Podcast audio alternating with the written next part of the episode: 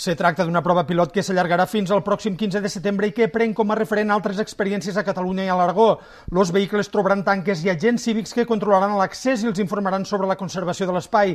Cadascun dels dos aparcaments tindrà capacitat per a 40 places. Amb aquesta regulació, l'Ajuntament vol incentivar un turisme de més qualitat i frenar la massificació dels últims temps en estos populars espais de bany del Parc Natural dels Ports.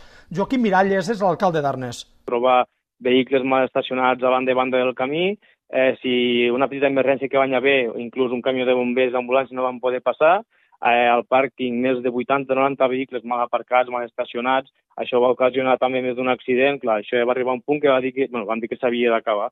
Eh, llavors això és el que ens ha fet prendre aquesta mesura i bueno, esperem que la gent realment ho entengui i que, bueno, que, que ho vegin bons ulls. Los veïns estaran exempts de pagar la taxa i els turistes del poble tindran una bonificació. De moment, Arnes és l'únic municipi de la Terra Alta que implanta la regulació, una mesura que també estan estudiant pobles veïns com Horta de Sant Joan.